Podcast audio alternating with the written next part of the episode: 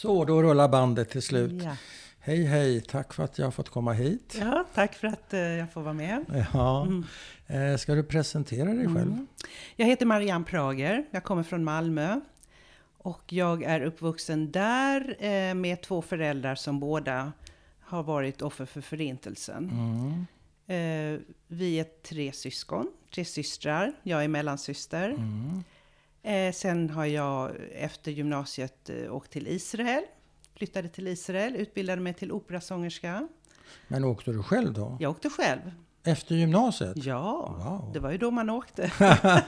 Min stora syra hade redan åkt, så hon Ah, var ja, där. Så hon var där, Ja, okej. var där. Och du Mm. utbildade dig till operasångerska? Ja, Ja. På Ruben Academy of Music Ja. i Jerusalem och sen Ja. i Tel Aviv. ja. Och stannade där och hade då ja, en karriär där. Eh, Jag var där i 13 år. Mm. Sen kom jag tillbaka till Sverige Mm. och eh, fick jobb i operakören i Stockholm. Då flyttade jag till Stockholm Mm. och eh, var i operakören i 20 år. Ända till jag blev pensionär då. Mm. Man går ju tidigt i pension. När, hur gammal? Eh, var du? 55. Ja, ja, det är tidigt. Mm. Mm. Så, så utbildade jag mig till Stockholms guide. Det gjorde jag redan innan jag gick i Mm. pension. Mm. Så, och det har jag också jobbat med i många år. Mm. Och det har varit roligt och även jobbigt. Mm.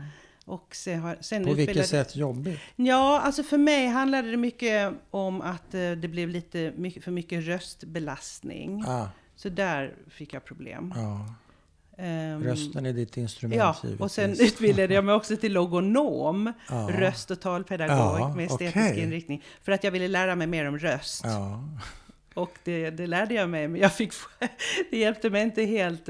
Jag hade fortfarande problem med rösten Ja. på slutet av mina år på Operan. Men jobbar du med det också? ja. Logonom? ja, lite grann, inte så jättemycket. Nej, nej. Mm, men jag har gjort det också. Okej. Och gör fortfarande. Mm. Mm.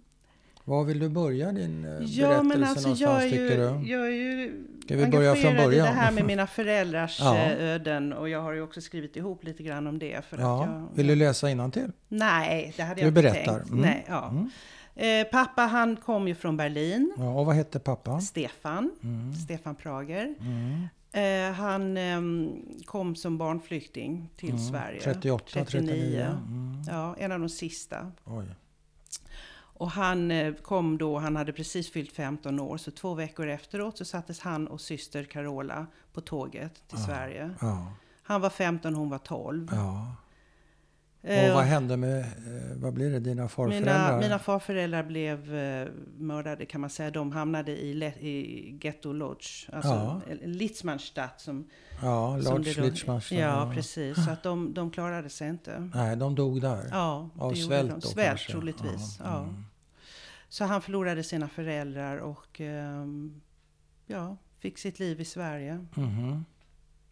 Med stora vedermödor i Mm, början. Mm. Vad var det som var jobbigast för honom? Ja, men alltså, Han det- var 15 alltså? Han var 15 och år. föräldralös? Ja, men det var han ju inte först, för det var ju en, en korrespondens Ja. eh, som pågick eh, väldigt ivrigt där. Okej. Varje, varje vecka skickade pappan brev med stora, mycket förmaningar om att han Ja. måste se till att att utbilda sig och sköta sig och Ja. vara tacksam och, och, och så vidare.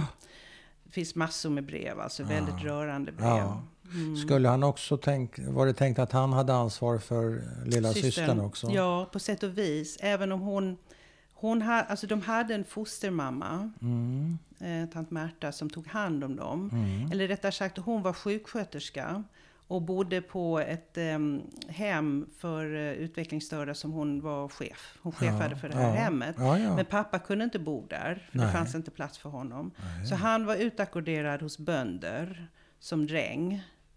Medan systern fick ett gästrum i eh, det här ja. huset. Var är det här I någonstans? Småland, Ja. mitt i mörka Småland. Hur hittar de eh, fatt på den här Alltså, sjuksköterskan? jag eller vet inte egentligen hur, hon, hur de hittade henne, men Nej. det var ju så att, att farfar fick en chans till sist att skicka iväg barnen på, på barntransport, Mm. kindertransport. Mm. Och det var liksom den sista utvägen. De hade försökt allt, de hade försökt Mm. komma ut. Och, och fl- flera andra av, han, av pappas eh, mammas syskon hade lyckats ta sig ut. Mm. Några, en till Amerika, en till Köpenhamn. Till sist var det tre som åkte till Shanghai. Mm. Men, eh, min pappas föräldrar kom aldrig iväg. Nej. De lyckades inte. Vilket delvis beror på att eh, hans mamma var deprimerad och blev inlagd. Okej. Så det var, det var det som var anledningen till att de inte kom iväg Nej, till Shanghai också. hon klarar det inte psykiskt. Alltså, Nej, det pressen. gjorde hon inte. Hon blev inlagd och, och det har präglat min pappa väldigt mycket. Mm. Men ehm, de, eh, så pappa kom till Sverige. Han fick ett val. Hans pappa sa så här. Nu har jag möjlighet att skicka iväg er. Antingen till Sverige eller till Holland. Jaha. Du får välja. Ja. Och i Holland där var det religiösa människor som kunde ta hand om dem. Ja. Och de skulle få kosher och allting. Men pappa kom från ett helt oreligiöst Ja. hem. Eh, Hans föräldrar var ateister och helt Mm. ointresserade egentligen av, av religion. Så att pappa sa, nej men det där med kosher, det, det behövs inte. Då väljer jag hellre Sverige. Mm. Det var det nog finns- tur det. Ja, det var väldigt på tur. Det var ju deras så- räddning. Ja, det var räddningen. Och där finns vatten emellan också. Så det Ja, var ett smart det. val Ja, ja. av den här 15-åringen. Men när, men när de kom till Sverige så blev de faktiskt stående i Göteborg utan att någon kom och hämtade dem. För det var, jag tror inte de hade fått tag på, på den här eh, fostermamman än. Nej. Men ordför- det, fanns en, en kvinna där från församlingen i Göteborg som fick ta hand om dem några dagar. Ja. Och sen kom tant Märta och Thea, de här två sjuksköterskorna, Ja. som tillhörde någon slags eh, fred och frihetförening. Okej. Så de hade då anmält sig frivilliga att ta Mm. barnen. Var det en kristen förening? Ja, eller vad var det för något? Jag tror det. Men hur, hur blev det att vara dräng då för pappa? Det var han, hemskt. var han stor och stark eller vad var Han han, var inte en? stor och stark från början. Nej. Han var typiskt bortskämt Ja, stadsbarn. ja, Så att det här var en fullständig kulturchock. ja. Han kom till mörkaste Småland. Han fick bo bredvid grisarna i, i ladugården. Ja, Eh, och det var ingen elektricitet. Och på vintern så frös vattnet i hans tvättbalja. Och eh, ja, det, var, det var hemskt. Helt ensam. Han kände sig Ja. fullständigt ensam. Och språket tog väl ett tag att lära sig Ja, också fast kanske? han var ju väldigt, rätt så snabb på att lära Det gick sig. snabbt, ja. Och faktum är att han, han har ju ändå beskrivit, alltså han beskrivit det här på olika sätt när man Ja. har frågat. Men, men han var väldigt nyfiken. Ja. Han tyckte det var roligt att lära sig de här sakerna som fanns på gården. Jaha. Allting intresserade honom. Både med, med djurskötsel och med odlingen och... Eh, alltså han, på något sätt så lyckades Så han det var ändå rätt anpassa sig. blandat ändå. Ja. Var, var, var de snälla mot honom? Ja, alltså jo, för det mesta var de det. Ja. På de här bönderna som Ja, han fick bo ja. hos. Var det olika? Ja, han fick bo på olika ställen lite. för att det var inte alltid han kunde vara kvar. Så hade de inte råd. Ja, så han, han fick flytta på Hur ofta olika- fick han träffa sin syrra då? Han träffade, jag vet inte hur ofta. Men eh, då och då fick de träffas i Ja, alla så fall. de hade lite kontakt. de hade kontakt då och då. Ja. Och, och hade de, kunde de hålla ihop? Kände de en gemenskap Alltså, så att det säga? Eller var hur blev, de var ju så unga alltså. De var unga, hon var 12 och han var Ja. 15. Hon var väldigt livlig. Hon Ja, var liksom, åh den här yrhettan och oj Ja. oj oj Carola.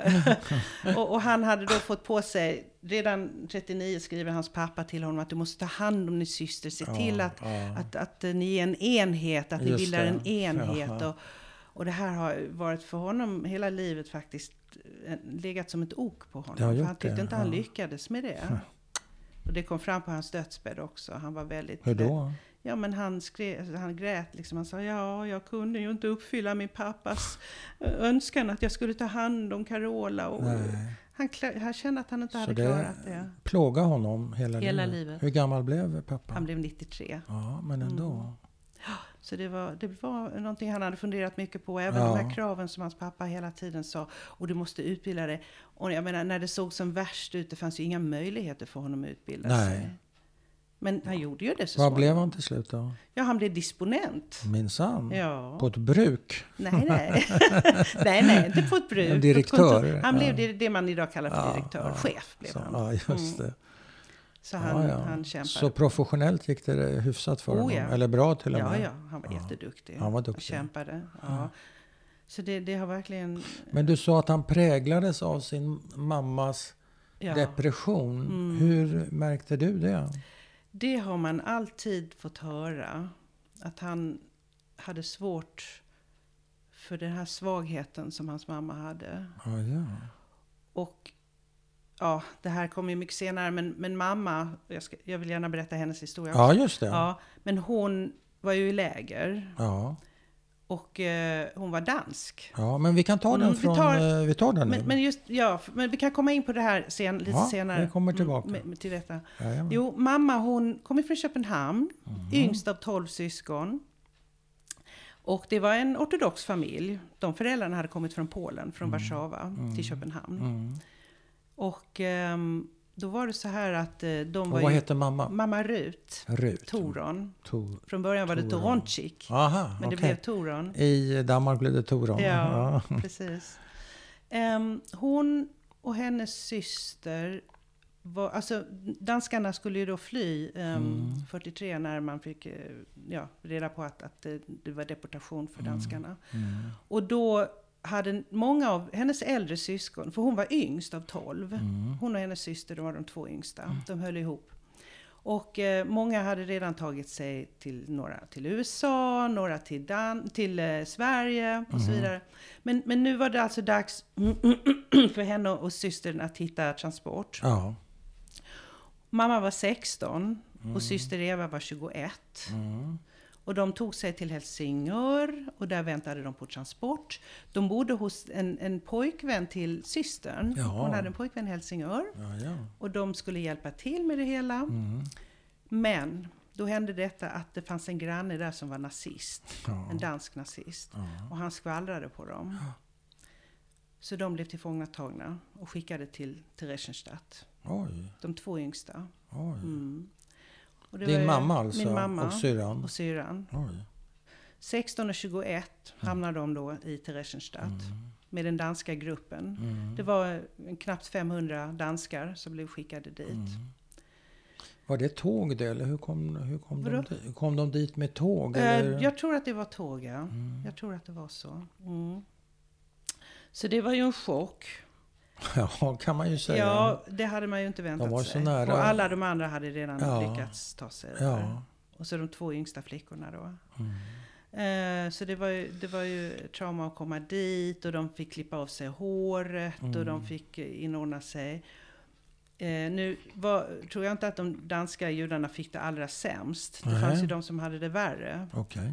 Men eh, det var tillräckligt illa. Och dåligt med mat och eh, de fick jobba med...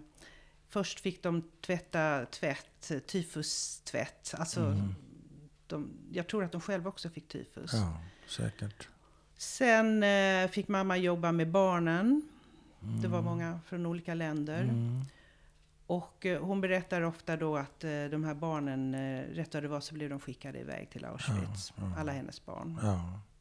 Så det var någonting som hon berättade och tyckte, det, det, hade, hon, det hade präglat henne också. Det, det var Mm, hemskt. Såklart. Och sen var det ju det att de visste ju inte om de skulle överleva. Nej. Det var ju, allting var osäkert. De visste ju inte, det var ju hela tiden transporter och, och Ja, selekteringar. Ja, Och, och hennes syster hade blivit då förälskad i en kille från Tjeckoslovakien. okej. Som det, för övrigt jobbade i köket och hjälpte dem att få lite extra portioner. ja, Ehm, men han blev eh, deporterad. Ja. De visste ju inte hur, men, men sen efter, han, han överlevde Auschwitz. Han gjorde det? Hon, hon lyckades hitta honom i Israel, han hade överlevt. Ja. Men då hade han redan gift sig Ja, med ja. någon annan, Ja. så det blev ingenting där. Nej, Men de nej. hade kontakt efteråt Ja. hela livet. Mm. Ja, så det var, eh, det var hårt där i Theresienstadt. Mm. Eh, Men de överlevde i alla fall. Mm. Blir de befriade där? De blev befriade av de eh, ja, eh, vita bussarna. Ja, just det. Mm. Mm. Och kom den vägen till Sverige. Mm. Till Helsingborg eller? Ja, de kom väl först. sånt där? Ja, och sen tog de sig upp till Stockholm. Mhm. Och där fanns ju deras syskon och Ja, mamma och ja. pappa. Och, och, och sen var det så här att, att det, det fanns ett släktskap mellan min danska mamma och Ja. min tyska pappa. Jaha. Ja, därför att redan innan en generation, alltså min pappas morbror hade åkt till Danmark Ja. före kriget. Ja, Och där hade han träffat en dansk flicka och gift sig med henne. okej. Och det råkade vara min mammas, en av hennes äldsta systrar. Gud, vilken tillfällighet. Ja, så pappa som barn före kriget, Ja. hade varit i Köpenhamn och Jaha. hälsat på där i familjen. Ja, och träffat sin... Han har nog träffat eh, fru. faktiskt min mamma då på den tiden, Ja. men de var ju bo, båda De var väldigt barn. unga. Ja, det är precis. klart. Men han kommer ihåg att han var i familjen och han Ja. kommer ihåg föräldrarna och sådär. Men hur träffas de nu? Ja, då var det i Västerås. Där bodde min mammas eh, syster Ja, med, med den här eh, tyska mannen då, som Mm. eh, Minnie och Paul, alltså som var min pappas morbror. mhm. Och då var det en släktträff där efter kriget. Eh, det var väl, ja, sommaren 45, 45 eller ungefär. Ja. Eller om det var till och med, ja men det var väl våren 45. Och då var det en släktträff som pappa kom till, Jaha, för det var ju hans morbror. ja, Och där var de här två flickorna som hade varit i läger Ja. från Köpenhamn. ja, Och de blev genast eh, jättegoda vänner. ja. Men kände de igen varandra? Nej, Nej, inte jag från tror den inte det. tiden. Nej. Men de blev förtjusta De i blev, varandra? Eller vänner? Ja, de blev goda vänner direkt. Ja. Ehm, det var ju mamma och hennes stora syra då. Ja. Ehm, men, men de blev inte tillsammans då. Nej. Men sen hade de kontakt och det var ju mycket, de åkte, de här judiska ungdomarna i Stockholm, de åkte på några sommarläger Ja. och massor med olika aktiviteter. Ja, men var han kvar i Småland, pappa? Nej, han lyckades ta sig med, med stor, alltså av sig själv lyckades han ta sig till Stockholm Ja, ja, efter så han var kriget. också i Stockholm? Ja, han lyckades ta sig ja, dit. Ja, ja. Och det var inte lätt. Han fick ingen hjälp av församlingen. De Nej. ville bara att han skulle åka tillbaka till landet. Oj. Ja, han var var- väldigt eh, bitter, alltså väldigt arg på församlingen. Ja, och det höll i sig, den Ja, det eh, gjorde det faktiskt. bitterheten. Ja. Och sen skulle Varför han de dessutom inte... betala, sen skulle han dessutom betala skatt i församlingen. Ja, betala Ja. Mm. församlingsavgift. Och vad, varför skulle de inte hjälpa honom för? Nej, men Hade de de, inte att, resurser? Nej, det, han hade hört att det fanns de som fick hjälp med utbildning. Ja. Så han gick dit och Ja, frågade om ja. han inte kunde få det. Nej, det fanns inte det. Nej, nej. Och då frågade de var, var kommer du ifrån? Ja, från Ja. Småland. Ja, men åk dit igen. Vi har alldeles för många här. så, så var det. Mm. Så Men han han, sig hur, så hur klarade han sig då? Utan... gud vad han jobbade. Han hade massor med olika jobb. Han jobbade bland annat på experimentalfältet. Han hade lyckats få Vad en för något, sa du? Ex- experimentalfältet. Vad är det för någonting? Borta vid universitetet. Ja, men de odlade och de Jaha. forskade Ja, i ja. olika Så odlingsmetoder. där fick han användning för sina småländska... Ja, han hade faktiskt gått på lantbruks... Han hade ja. lyckats gå på lantbruksskola de, där på slutet av sin vistelse i Småland. Ja, ja. Så han gick på lantbruksutbildning. ja. På en Och- judisk eller på en... eh, Nej, inget en svensk? Nej, nej, För det nej, fanns ju judiskt. och sådana där Jag grejer. vet, han hade, så han hade gjort allt för att få lov att vara med i den gemenskapen. Ja. Men det fick han aldrig. Försökte han? Ja, han försökte ju... Nej, alltså det var på, på slutet så lyckades han ju lära känna några Ja, av de ja. judiska ungdomarna. Men då var det liksom för sent. Han fick ingen hjälp. Nej. Så han hade skaffat sig en utbildning, han var på experimentalfältet. Talfältet. Och sen så småningom ville han då fort vidareutbilda sig Ja. mer för att han, han, ville, han såg ingen framtid på experimentalfältet. Nej. Ändå, fast han trivdes men Ja. han ville liksom komma vidare. Ja. Och då eh, lyckades han att eh, jobba, alltså han hade massor med extra jobb på Ja. skjutfält, skjutfältet, tidningsutbärare, massor. Och så eh, kom han in på um, Pålmans handelsinstitut Okej. på ekonomi, Mm. vid utbildning.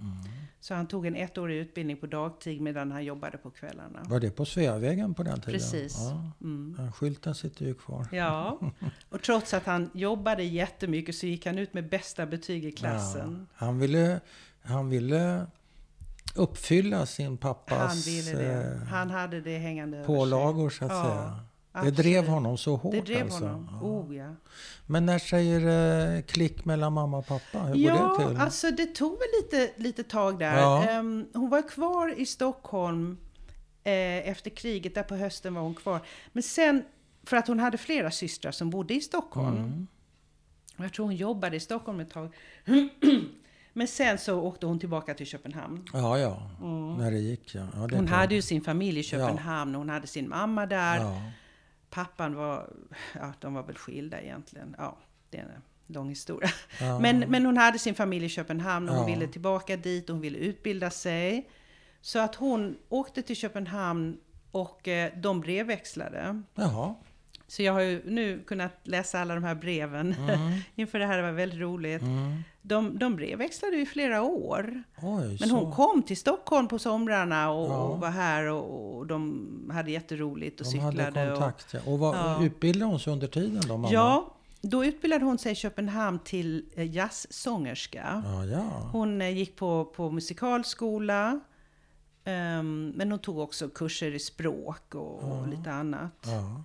Men hon ville bli sångerska. Aha, så du gjorde... brås på henne? Ja, ja jag fick göra det som hon inte Nej. till sist... Eh, ja, hon genomförde det delvis men det... Ja, men inte, det blev aldrig... Nej, alltså hon gjorde ju väldigt... Hon kom väldigt långt fram i olika provtagningar i Köpenhamn. Ja. Och uppträdde där på olika ställen. Och sen när hon då flyttade så småningom till Stockholm med pappa, de gifte sig 48, ja. förlovade sig 47.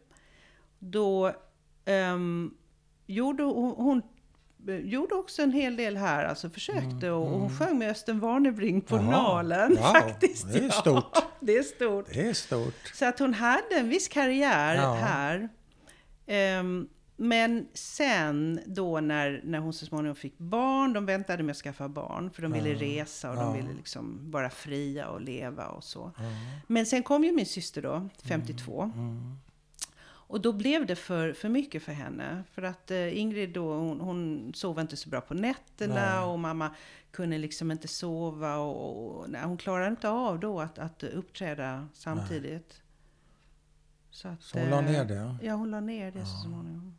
Men alltid hon, när hon hade en chans. Och, så sjöng? Ja. ja. Ja, Men eh, hon blev inte bitter och sådär för karriären som inte blev så att säga. Eh, bitter blev hon väl inte, men jag Nej. tror att hon led av i många år av att hon inte visste vad hon skulle göra. Alltså hon var understimulerad ja. och hon sökte olika vägar. Sen trivdes ju inte hon i Stockholm Nej. efter ett tag. Nej. Nej. hon kände att det var en kallt, kallt här och ja. ja hon saknade sin familj i Danmark. Så att de flyttade ner till Malmö. Jaha. Um, hon drev igenom det, att de skulle flytta till med Malmö. Med hela familjen då? Nej, det var, var bara ni... Ingrid som hade okay, fötts i Stockholm. du är inte född Nej, det var då efter... Ja, just det. Du är ju från Malmö, ja, sa Ja, jag är född i Malmö. Så att det här var då när Ingrid ja. var, var liten. Så kände hon att nej, hon trivdes inte i Stockholm. Och, och det... pappa var ju borta jättemycket. Ja. Han jobbade och han ja. Eh, pluggade och han, sen var det militärtjänsten. Mm. Och då var han ju borta jättemycket. Så att hon började också bli lite deppig då alltså. Så mm. det, det, började visa sig lite där. Mm. Och eh, kom på, nej, nej hon ville inte vara kvar i Stockholm. Jag tänkte på en grej du sa att de ville vänta några år med att skaffa barn. De mm. ville resa, de ville mm. göra andra saker. Det, Mm. Relativt vanligt, inte alla såklart, men relativt många överlevare skaffade barn väldigt mm. snabbt. Ja. För att börja om på nytt. Precis. De kanske hade förlorat hela sin ja. familj. Det var ju kanske inte riktigt fallet för dina Nej. föräldrar. De hade ju inte förlorat hela familjerna Nej. på det sättet. Till en Mamma del. hade ju kvar sin familj. Ja. Och pappa, han, han hade ju blivit inlemmad i den stora familjen. Det var ju fantastiskt för ja, honom. Det blev hans nya familj. Ja, han var ju överlycklig. Och han var uppskattad. Ja, alla gillar honom. Men det är klart, den enda, det enda problemet, om man nu ska säga problem, var ju att mammas familj var ortodox. Ja, och det var inte pappa. Och det var inte pappa. Hur gick det då? Ja, alltså... Mamma hade släppt sin ortodoxi i, i lägret. Mm. Hon hade ju ätit fläsk i lägret. Mm. Och hon, hon, det var, alltså hon var ju tvungen att äta det ja, som ja, fanns. För att överleva. Och, och, hon har sagt då tydligen att ja, första gången hon åt fläsk så eh, trodde hon att, att Gud skulle visa sig som en blixt ja, från himlen. Och straffa henne. Ja, det trodde hon helt, alltså fullt övertygad. Ja. Men, eh, men det blev ju inte någon, det hände ju ingenting. Mm. Och, och sen då så, Skönt. ja, hon, hon släppte det. Ja. Så hon var inte religiös Så de hade inte kors, ni hade inte kors hemma nej, då? Nej, så att nej. hennes föräldrar kunde inte komma hem till er och käka och sådär? Alltså, nej. Men de träffades ju mest i Köpenhamn. Ja, jag förstår det. Ja. Men, eh, Nej, blir, men det var ju hennes syskon var ju hos oss, men de kunde ju inte äta hos oss. Inte heller? Nej, de de, alltså det var ett par syskon ska jag ja. säga, som var så ortodoxa. Ja. Men inte många alla. hade gift sig med icke-judar också. så det Precis. fanns hela, hela skalan. skalan. Jag funderar på, du sitter med några vykort eller brev. Är det någonting som i det här sammanhanget, för det här är väl skrivet då innan de blir ett, ett det par? Det här är något helt annat. Aha. Men hade du någonting i den här eh, korrespondensen mellan mamma och pappa när de fortfarande dejtar eller Ja. ja. vad vi ska Ja. kalla det för, som, som du vill läsa? Är det, Nej, inte nej, det tror jag inte. Nej.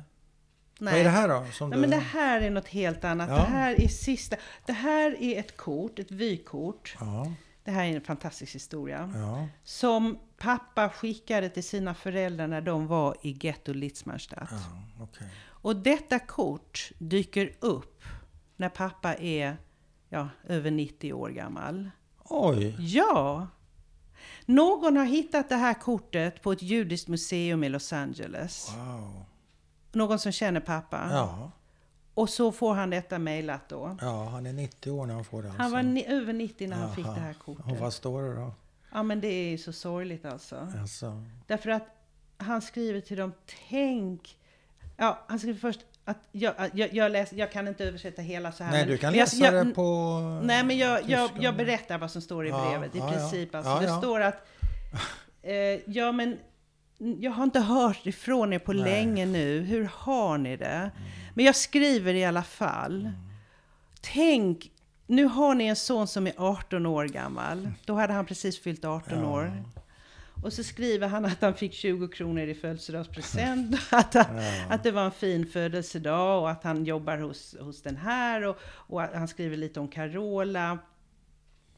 Och, och i princip att, att eh, ja, jag har inte hört ifrån er och jag Nej. hoppas att ni har det bra. Ja, Men ehm, hur, ja, hur har ni det? Ja. Så han, han undrade så. är de döda vid det här laget? Då är de döda. Så då, han fick aldrig något svar på det här Nej. kortet. Och, och det här kortet försvann och... Eh, Hur reagerade pappa när han fick ja, men han eh, blev se det chockad. där? Han blev helt Fick han det chockad. på det här sättet? Eller Ja, fick, han på ett- det fysiska kortet? Han, eller? nej, jag tror inte han fick Nej. originalet. För det finns Utan kvar på en, en museet. färgkopia helt enkelt? Ja, ja. Hur, precis. hur reagerade Ja, han? men han blev chockad. Han blev helt chockad. Det står ju liksom... Ja, han, han kommer tillbaka till den tiden. Ja.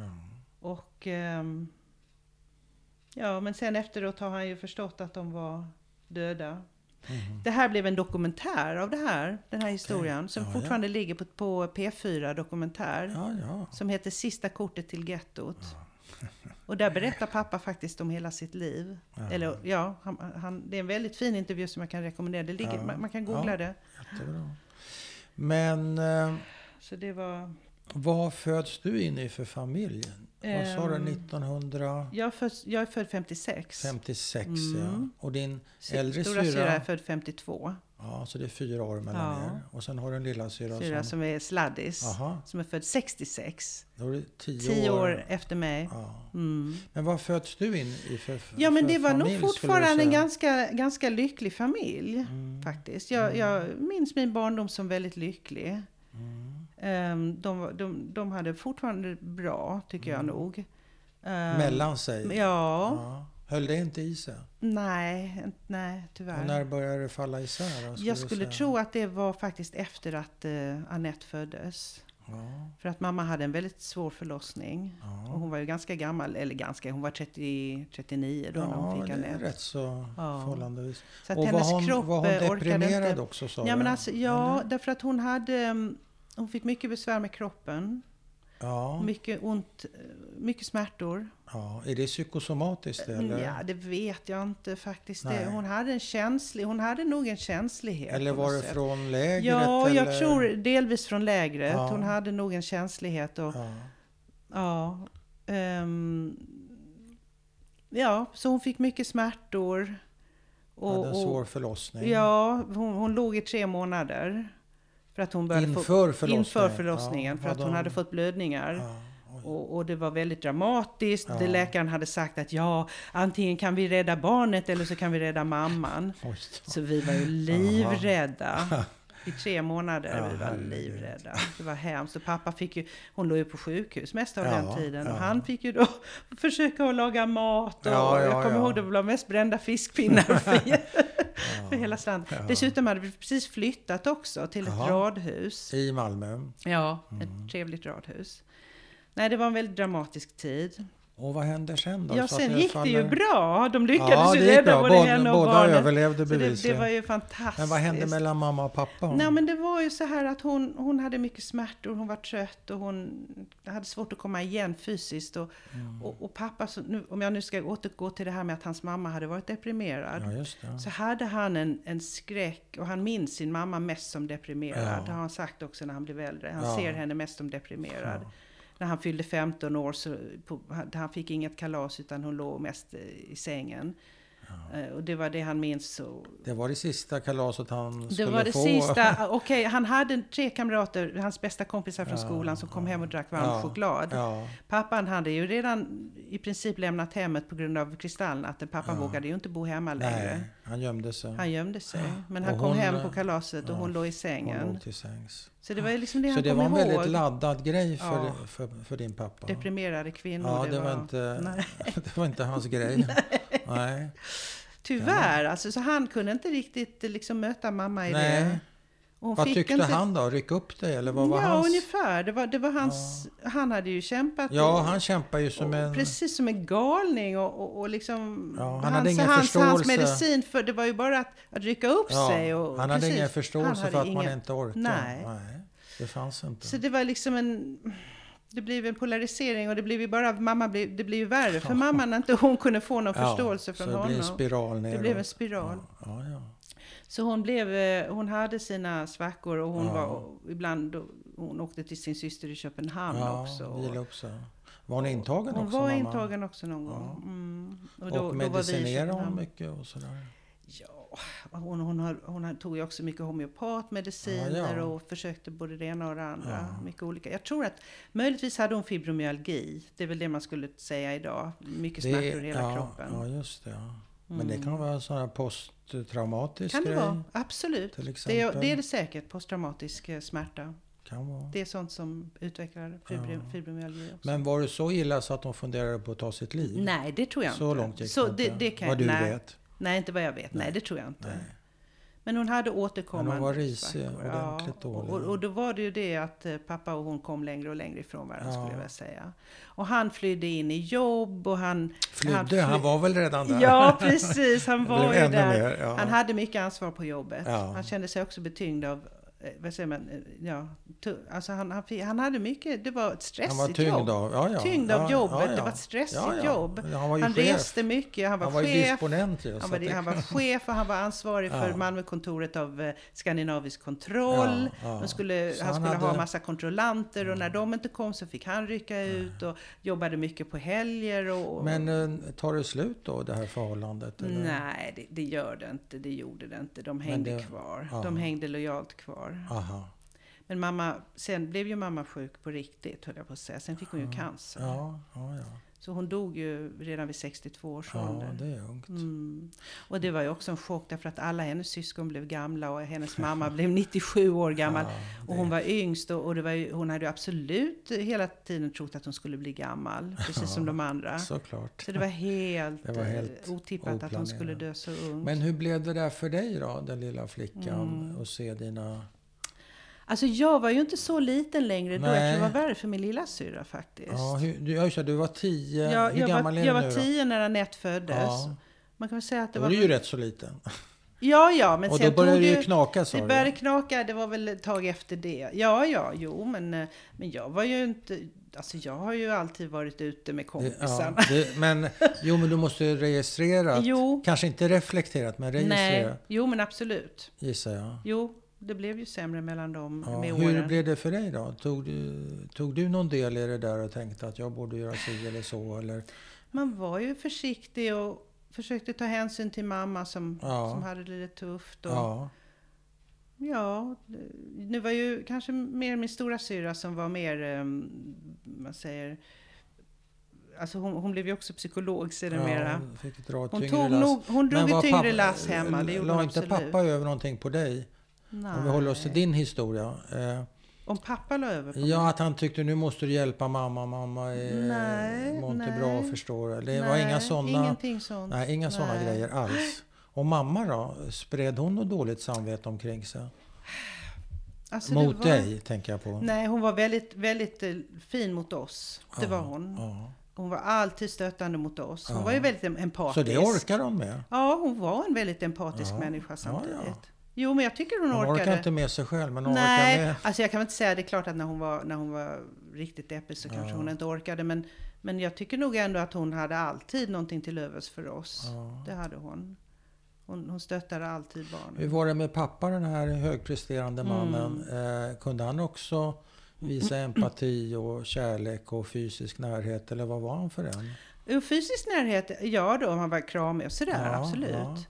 Men han var ju, och det har vi också pratat om, att han när vi barn liksom hade problem eller tyckte något var jobbigt, Ja. då, då var det liksom, nej men det där är väl ingenting, Nej. tänk på hur vi har haft Ja. Han, kunde, han var inte särskilt empatisk mot oss heller. nej. Utan ingenting var, var svårt för att, ja men herregud, det där är väl ingenting. Men hur blev det för dig med en sån Nej, där... det var inte så bra. det inte Och det har bra. vi pratat mycket om också. Vilka vi? Ja, syskonen. Och, eh, men även faktiskt med pappa när han blev äldre. Ja, vad kunde du... Vad jo, kunde men ni då ha för har, vi, samtal då, då? har vi då har han ju förstått det. Ja, Att det där var ju inte bra. det har jag förstått. Men han trodde faktiskt att genom att liksom förringa eller förminska Ja. våra problem så skulle det få oss att må bättre. Ja, smart. Det var liksom Ja, han, det var ju- hans psykologi. Det var briljant. Ja, genom att tänka på deras svårigheter så Ja. skulle vi kunna förminska våra egna svårigheter Ja, på något ja. sätt. Men Mm. eh, hur landade det där i dig? Du, du säger att det där blev inte bra, det har vi pratat om. Hur, hur Mm. skulle du själv beskriva det, hur det blev för dig? Nej men alltså jag har väl också För det var väl ett lite- trauma från hans sida som han bearbetade genom att gå in och, och jobba. Allting Ja, som var han. jobbigt, det, det Ja. begravdes väl i... I Och det gjorde det för många män på Ja. den tiden. Så det är inte något Nej. eh, speciellt originellt. Nej, Man behöver inte försvara det, men det är ju Nej. relativt vanlig ja strategi. absolut. Ja. Men hur blev det för dig? Ja, men han var ju ganska frånvarande då Ja. när vi var små, tycker jag. Han jobbade mycket och sen var han nere i källaren och höll på med sin snickar... Han skulle bygga hobbystuga, gjorde han hobbyrum. också? Ja, ja. Oh ja. Ja, han var aldrig ledig. Nej. Vad var Fast, han fast jag måste säga med Anette, eh, hon hade väldigt bra kontakt med pappa för att du vet att vi blev ju tre flickor Ja. och de ville ju ha en pojke. De ville ju ha en Lennart. Ja, Alla skulle heta Lennart. ja, Och det blev inte Lennart eh, första och inte andra gången och tredje gången blev det inte heller Lennart. Nej. Men då, då var det väl att Annette fick ta över Lennart-rollen så hon, hon blev lite tomboy sådär, hon, hon snickrade med pappa och sådär. Så Ja. det var ju, de, det, de hade väldigt nära kontakt. Mm. Hur var det för dig då? Ja men alltså jag, jag, var, jag, jag minns mest att jag var med kompisar. Ja, Jag var utanför hemmet. Jag, ja du var utanför. Ja. Ehm, Men blev det aldrig så om du... Ibland hade du väl någonting, ett problem, låt oss Ja. säga, som du behövde diskutera med dina Ja. föräldrar? jo men Och mamma, mamma visst- kunde man ju prata Ja, mamma kunde Ja. du vända dig till. Oh, ja. Men pappa var inte så stor i det och... Nej, inte då. Nej.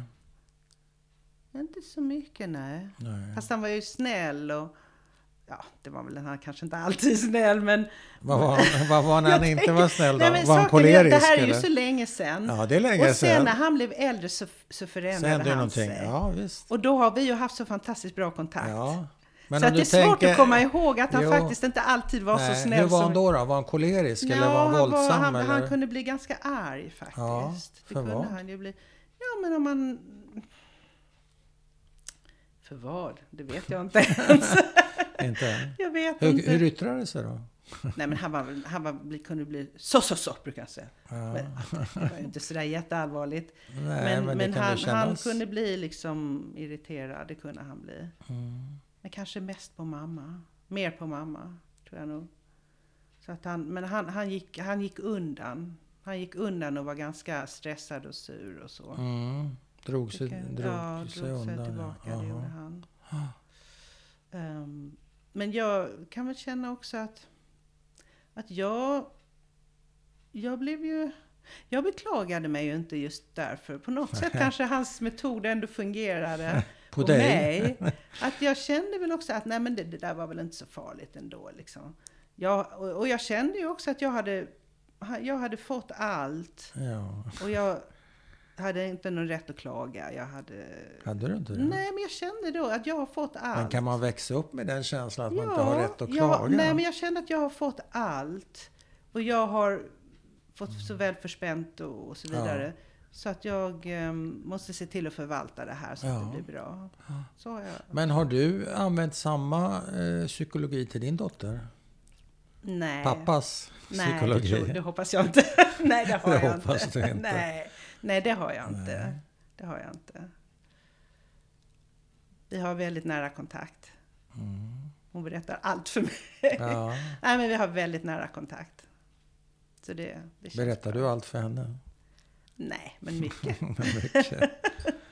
Ja. Ja. Men det där är intressant. Du säger att det funkade kanske för dig, kanske inte för övriga syskon. Det- Men det Ja. kan vi lämna därhen tycker Ja. jag, för det här är ju din berättelse. Eh, Men för dig tyckte du ändå att det blev rätt så bra med en sån här... Kan man säga att pappa var krävande? Han var, han, ja på sätt och vis. Men de var, alltså, som sagt, Ingrid har fått ta det mesta. För Ja. att hon var först. Ja. Hon, fick en, hon, hon blev hårdare hållen på Ja. alla sätt. Och jag slapp fri liksom. Jag var Ja, sån här mellanbarn mellanunge som slank, som- slank, ja. slank iväg. Just det. Eh, Men hon fick ta mer och hon Ja. hade hö- högre krav på sig och hon var duktig. Hon var alltid duktig. Mm. Hon fick eh, ta med, också mamma, ma, hon blev ju mammas förtrogna också. Mm. Mer än, än, mamma har berättat mycket mer för henne än för mig till exempel. Mm. Ehm, men, ehm, nej men jag, jag blev väl också lite grann Men- tuff, tuff sådär som pappa. Ja. Alltså jag, jag kände att jag blev också lite rädd för svaghet tror jag. Ja. För att jag ville inte bli som mamma. Nej. Och han ville inte bli som sin mamma. Eller som sin fru, förlåt. Nej, han ville inte bli som för för han tålde inte den här svagheten. Nej. Men jag har också haft lite lite grann samma- det där att jag liksom har alltid varit noga med att träna och Ja, vara stark ja. och sådär. Men du stack väl hemifrån? Hur var det? Ja, men då var jag ju 19. Det var efter gymnasiet. Ja, efter Mm. gymnasiet. Mm. Okej, då har du ju ändå levt... Ingrid åkte 18 också direkt efter gymnasiet. Ja, okej. Mm. Men Så på det sättet, det är ju ändå relativt ungt för att lämna Mm. sitt barndomshem. Kanske inte Precis. jätteungt, men... Ja. Och sen är du ju... Du är ju borta. Du har ju, har, ni träffas vadå, en gång om året eller Ja, någonting sådär? ungefär, på Möjligen. somrarna. Ja, ja möjligen. Mm. Ja. Precis. Så du skjuter ut dig själv Ja. så... Precis, och lämnade kvar Anette med föräldrarna. Ja.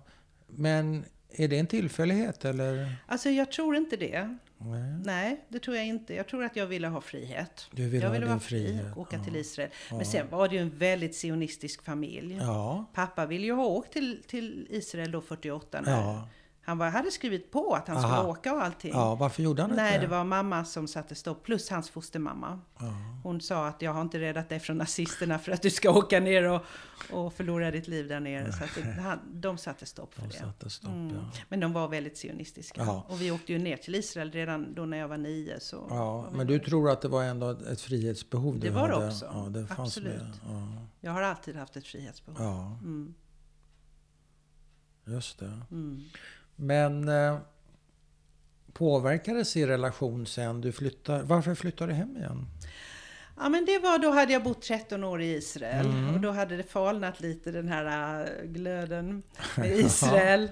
Eh, jag hade Var väl... du inte sionist längre? Jo, jag är alltid Kanske. sionist. Är alltid sionist. Ja. Jag älskar Israel. Jaha. Men, men jag hade, tyckte det var lite kämpigt och det var jag var frilansare och det var Ja. lite mycket med administration, du vet byråkratin var fruktansvärd. Ja. Innan man fick sina pengar så hade de, och det var ju em, inflation, så då var de bara hälften så mycket värda. Och det var mycket som var jobbigt. Och. Även då med israeliska killar som jag inte var så förtjust i. Då, så, så det var lite olika saker. Men hur gick det att komma sen hem? Ja, så träffade jag ju också en, en svensk Ja. judisk kille. Som, Ja. Mm. I Israel? Nej, Nej. träffades här i, I- ja, på, I, i Sjöf. Sverige? Ja, på Sjöf. Och hur hade din relation med dina föräldrar förändrats av den här bortavaron skulle du säga? Eller, eller eh, Alltså man hade ju inte riktigt koll men man såg ju att deras relation inte var så bra. mm, Ehm, det, det, det, det var ju så i många år. Ehm, ja, men eh, varför skilde de sig inte? de skilde sig inte därför att pappa var lojal. Ja. Det var han. Ja. Och mamma var väldigt, blev ganska osjälvständig. Mm. Men en sak som förbättrade situationen, det var ju att hon utbildade sig till Mm. sist. Äntligen så hittade hon rätt.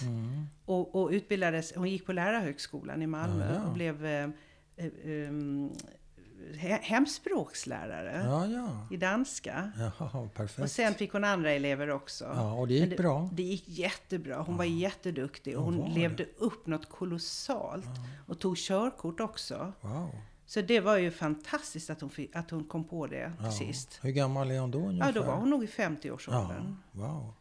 Så det var ju hennes räddning. Att hon äntligen, för hon hade varit understimulerad. Ja. Jag menar hon var jättebegåvad Ja. på, på jättemycket saker. Och, Ja. och, duktig och, och duktig på att plugga och allting. Så att äntligen hittade hon sin plats. Ja, just det. Och det hjälpte ju upp eh, deras relation också. Mm. Absolut. Hon fick självförtroende och hon blommade upp. Det var jättebra. Mm. Tyvärr så fick hon ju inte jobba så Nej, många år. det blev inte, vad sa du, 62? 62. Ja, Mm. det är inte så. Men det var ju tufft gjort. Ja, det var Med fantastiskt. alla hennes problem och Ja. kroppsliga problem och psykiska. Och så helt plötsligt så kunde hon Ja, hitta ett nytt spår. det var jättebra. Det var fantastiskt. Mm. Vem satte henne på det spåret? Alltså hon hade sökt det ena och det andra. Ja. Ja, men det var det att, att eh, hemspråkslärare, Ja. att, att det kom på modet. Ja, just det. Och då förstod hon att, att Ja, det det där är var ju någonting hon skulle kunna göra. Det kan hon göra. Ja. Jag tänker på innan du åker till Israel så kanske Mm. du träffar lite killar och de kanske är svenska, det vill säga icke-judiska. Mm. Hur gick det? Hur Jo, accepterade men det dina gick föräldrar ganska det? bra. Jag, jag blev tillsammans med en kille på gymnasiet, en svensk kille. Ja, Och ehm, han, mina föräldrar gillade honom väldigt mycket faktiskt. ja, ja, så de hade inga... Alltså, han flyttade in till oss. Vi hade på övervåningen... Vi, Fick vi- han vi- flytta in? Ja, jo, därför hur, att gamla, han, hur gamla var var ni vi då? 19, 18, 19. Jaha, okej. Jo, ja, men ja. då, då hade vi ju en lägenhet, alltså vi hade ett radhus, sån här tvåfamiljsradhus. Ja, ja. Och då hade vi inga hyresgäster där uppe, så då flyttade han och jag upp där ja, uppe på den, övervåningen. Ja, ja. Pappa gillade honom jättemycket, han var väldigt social och Ja, trevlig. ja. Och ehm, han var också statistchef på Malmö Stadsteater. Jag hängde ju där hela tiden, Ja. för jag var ju med på olika produktioner. ja, ja. Eh, men, men då sa mamma alltid att ja men ni är ju så unga, ni måste ju inte gifta Nej, er. just det. Så att hon tyckte det var safe, för att vi var ju inte så gamla. så Nej, att, men det, eh, var- han blev inte utkastad. nej, det blev han inte alls. Tvärtom, Nej. de tyckte om honom. Men sen flyttade jag till Israel, så Ja, då var det, det. överspelat. Mm. Men eh, var det någonting med, med dina val som de hade problem med? Eller stöttade de dig Alltså, 100 Det var ju, procent? de stöttade mig med Staffan, eh, för, att, han- för att de förstod ju att vi kommer ju inte att gifta Mm. Nej. oss. Men sen var jag ju i Israel i 13 år. Ja. Och då var det ju liksom inga problem med Nej. det. För det var ju alla... Nej, men, andra livsval, Alla utbildningar livsval. och... Nej, alltså det här med sången, det var ju... Mamma hade ju pushat mig till Ja, det. ja, ja. De, de sökte ju extra kör på Malmö Stadsteater. Och jag hade ju tagit sånglektioner och, allt, Ja. och piano och allt det där. ja. Så då tyckte hon ju att jag skulle söka. Hon, ja. Hon... Och jag sa, nej men nej, inte, inte kan väl jag? Nej. Jo, det är klart du kan. Ja. Det är klart att du kan söka, men det kan väl inte hända något. Och jag sökte och jag kom in. Ja. Så jag var ju med på flera produktioner på Malmö Stadsteater då Mm. när jag, samtidigt som jag var på gymnasiet. och det var ju Fantastiskt. Jag var med i Aida som extra kör Oj. och Mässan av Leonard Bernstein. Men vänta ett tag, läste du noter då alltså? Eller? Ja, jag hade ju gått på, gått på piano, jag hade varit med i körer. Du och, kunde det?